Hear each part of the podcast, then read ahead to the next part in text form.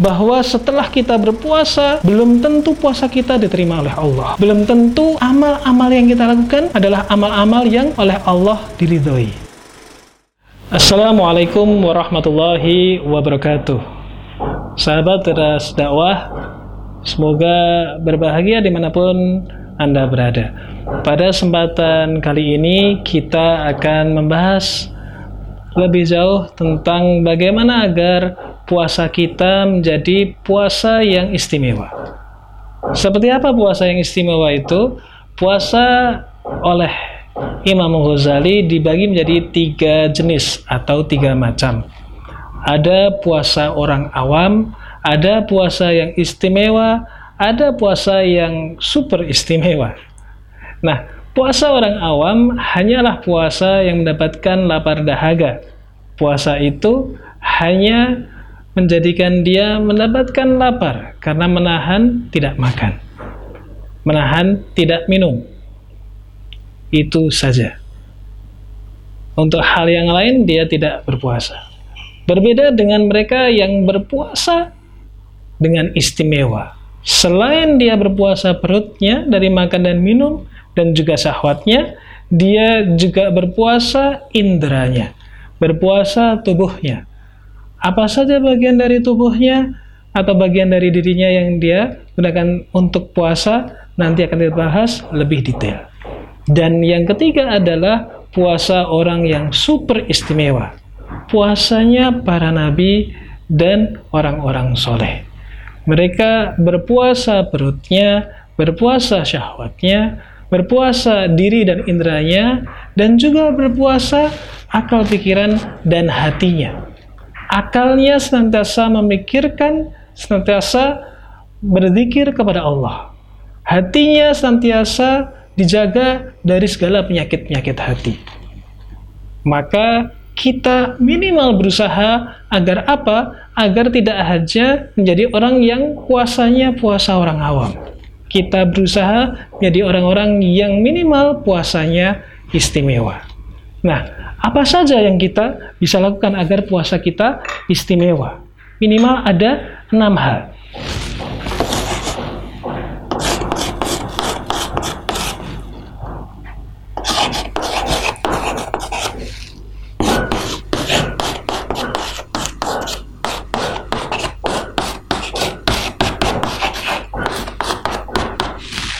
Minimal ada enam hal agar puasa kita istimewa. Dalam kitab Ihya Ulumuddin tulisan Imam Ghazali pada bab Tasyiatun Nafs dijelaskan berbagai macam ibadah dan pengaruhnya terhadap jiwa.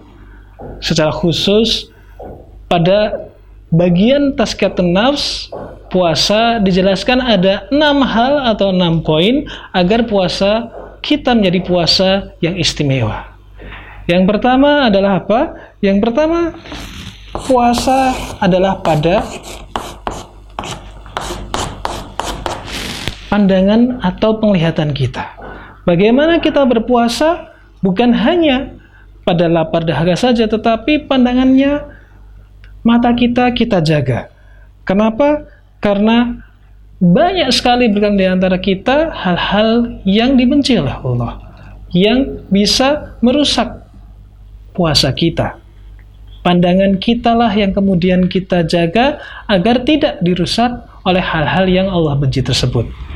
Mata kita ikut berpuasa terhadap hal-hal yang tidak disukai oleh Allah. Maka kita berusaha menjaga agar penglihatan kita hanya membaca juga hal-hal yang baik.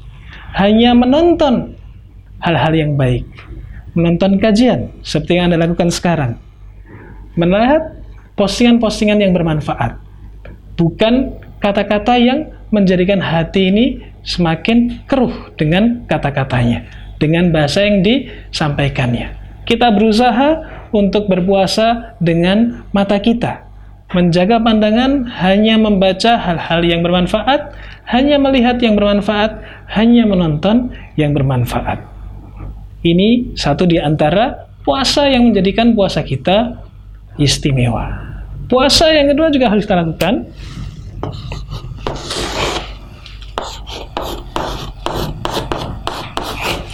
Adalah puasa lisan kita. Puasa mulut kita. Saat ini kita dibatasi oleh banyak hal. Satu di antaranya adalah dengan adanya pandemi corona ini. Maka mungkin kita jarang bertemu orang secara langsung. Maka kita jarang berbicara lesan juga dengan banyak orang. Tetapi ingat, kita berbicara tidak hanya melalui mulut atau bibir kita. Kita juga bicara melalui postingan kita, melalui tulisan kita, melalui update status kita, melalui chat kita. Perhatikan baik-baik, bagaimana kita berpuasa menjaga apa yang kita sampaikan juga hanya yang baik-baik saja, hanya yang bermanfaat saja. Chat-chat postingan yang kemudian merusak atau kemudian bahkan menjadikan orang tidak nyaman, maka kita harus mengatur khususnya selama puasa ini jika mendapatkan puasanya orang istimewa menjaganya agar tidak bisa atau tidak menjadi hal-hal yang merugikan orang lain. Apalagi diri kita dengan rusak pahala puasa kita. Berpuasa dengan lesan berarti kita turut menjaga orang lain juga bisa menjaga puasanya karena apa yang kita sampaikan hanyalah kebaikan saja nah yang ketiga tentu saja setelah kita menjaga pandangan kita, mata kita, lesan kita, tentu saja kita juga harus menjaga apa? Pendengaran kita.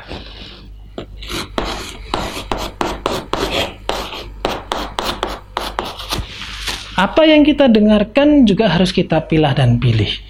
Kita harus tahu apa yang kita dengarkan itu baik atau tidak. Sebagian sampaikan dalam Al-Maidah ayat 2, mereka itu adalah orang-orang yang suka mendengar berita bohong, banyak memakan yang haram. Suka mendengar berita bohong. Berapa banyak hoax yang kita baca dalam grup WA yang kita buka.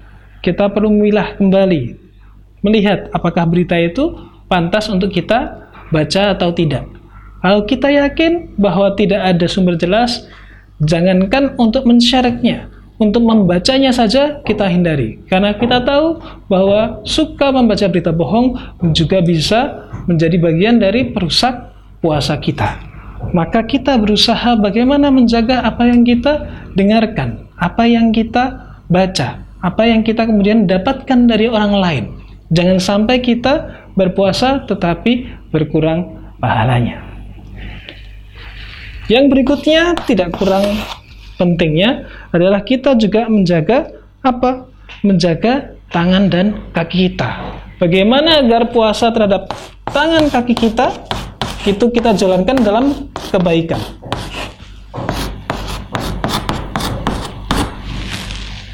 Setiap langkah yang kita lakukan, setiap pekerjaan yang kita kerjakan, kita gunakan untuk kebaikan. Jangan sampai tangan dan kaki kita melakukan hal-hal yang tidak bermanfaat.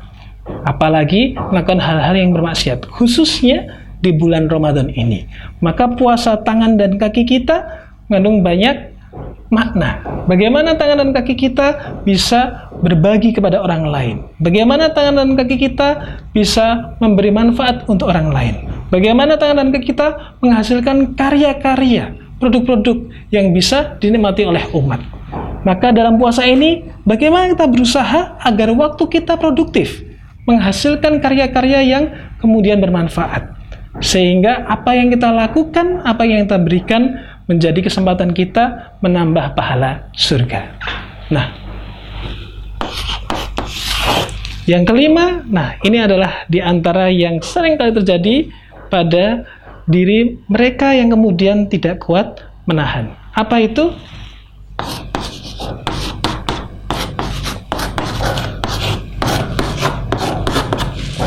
Berbuka tidak berlebihan.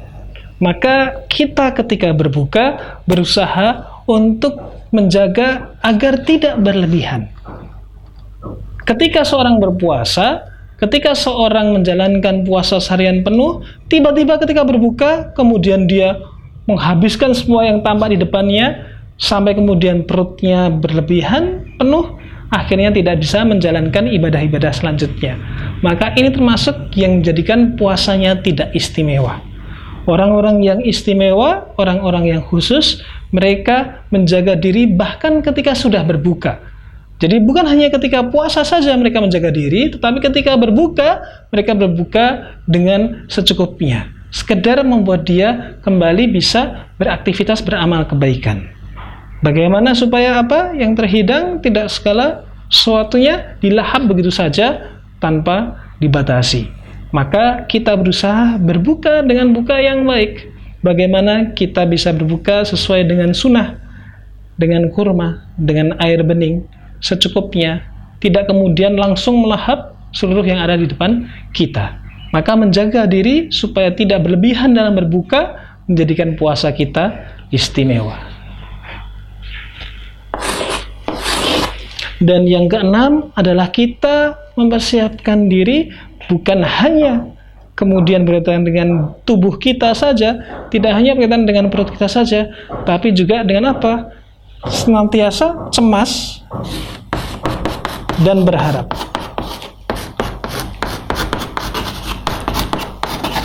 Terhadap apa?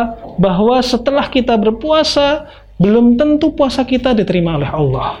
Belum tentu amal-amal yang kita lakukan adalah amal-amal yang oleh Allah diridhoi. Kita berharap sekali supaya Allah menguatkan, menjaga kita dari kesalahan. Dan kita bercemas-cemas untuk apa? Untuk tahu bahwa mungkin saja yang kita lakukan masih banyak kekurangan. Sehingga apa? Seorang tidak menjadi berpuas diri ketika puasa. Merasa sudah hebat. Merasa sudah bisa menjaga diri dengan luar biasa. Padahal belum tentu apa yang dia lakukan diterima oleh Allah. Banyak orang yang kemudian merasa sudah melakukan banyak hal, sudah beramal begitu luar biasa ketika berpuasa, sudah membaca Quran sekian kali khatam, sudah menjalankan sholat sunnah, sudah menjalankan sekian banyak sunnah-sunnah yang lain, sehingga apa? Sehingga kemudian merasa puas dengan itu dan selesai. Nah, ini yang kita harus hindari. Bagaimana supaya puasa kita istimewa? Kita harus menjaga hati kita agar senantiasa berharap dan cemas. Jangan-jangan puasa kita tidak diterima oleh Allah. Jangan-jangan sholat sunnah kita tidak diterima oleh Allah. Jangan-jangan apa yang sudah kita lakukan dikotori oleh penyakit hati. Kita berharap tidak kepada Allah tetapi kepada selain Allah. Kita senantiasa berpikir dan berpikir, berharap bahwa Allah kemudian menutupi kekurangan-kekurangan kita, menjaga kita dari kesalahan itu. Maka agar puasa kita istimewa, kita harus paham bahwa kita tidak hanya menjaga diri dari lapar dan dahaga, tapi kita juga menjaga hal-hal lain. Hal-hal lain itu seperti yang sudah tertuliskan, ada puasa mata dari hal-hal yang tidak Allah sukai, menjaga lisan kita atau berpuasa lisan kita menjaga apa yang kita dengarkan, apa yang kita dapatkan melalui tontonan, menjaga tangan dan kaki kita untuk beraktivitas yang tidak disukai Allah dan menjadikan tangan kaki kita berproduktivitas atau melakukan kegiatan-kegiatan yang bermanfaat bagi diri kita dan juga bagi orang lain. Kemudian perhatikan baik-baik bagaimana supaya kita berbuka dengan secukupnya, dengan sewajarnya, tidak berlebihan. Dan kemudian kita berusaha untuk yang terakhir, yang keenam, yaitu cemas, khawatir. Jangan-jangan apa yang sudah kita lakukan oleh Allah tidak diridhoi. Jangan-jangan apa yang sudah kita lakukan tidak kemudian mendapatkan kemakbulan dari Allah Subhanahu wa taala. Maka kita senantiasa kemudian apa? Kemudian berbenah diri, melakukan yang lebih baik di hari berikutnya. Ramadan hari ini sudah melalui, hari-hari ini sudah dilalui, bersiap untuk hari Ramadan berikutnya dengan lebih baik lagi. Muhasabah menilai apa yang sudah kita lakukan dan memperbaiki di waktu selanjutnya. Maka puasa kita yang awalnya biasa awam semakin baik, semakin baik, semakin istimewa, semakin istimewa. Maka sahabat teras dakwah, mari kita siapkan, mari kita lakukan apa yang bisa kita lakukan sejak sekarang. Berusaha agar puasa kita bukan hanya puasanya orang awam. Berusaha agar puasa kita puasanya orang-orang istimewa.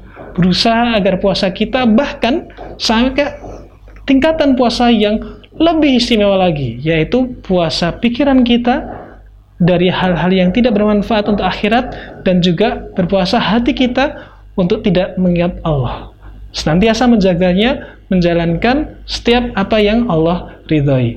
Maka insya Allah semoga dengan itu puasa kita yang kualitasnya biasa-biasa saja, kualitasnya semakin meningkat dari waktu ke waktu, sehingga apa? Ketika Allah mendapatkan puasa kita, Allah akan membalasnya dengan pahala berlipat ganda di surganya. Kita berharap Allah tutupi kekurangan kita, Allah ampuni dosa-dosa kita, dan kemudian kita berusaha sebaik-baiknya sejak sekarang menjadi manusia-manusia yang puasanya istimewa. Insya Allah, semoga Allah meridai. Bila taufik, Assalamualaikum warahmatullahi wabarakatuh.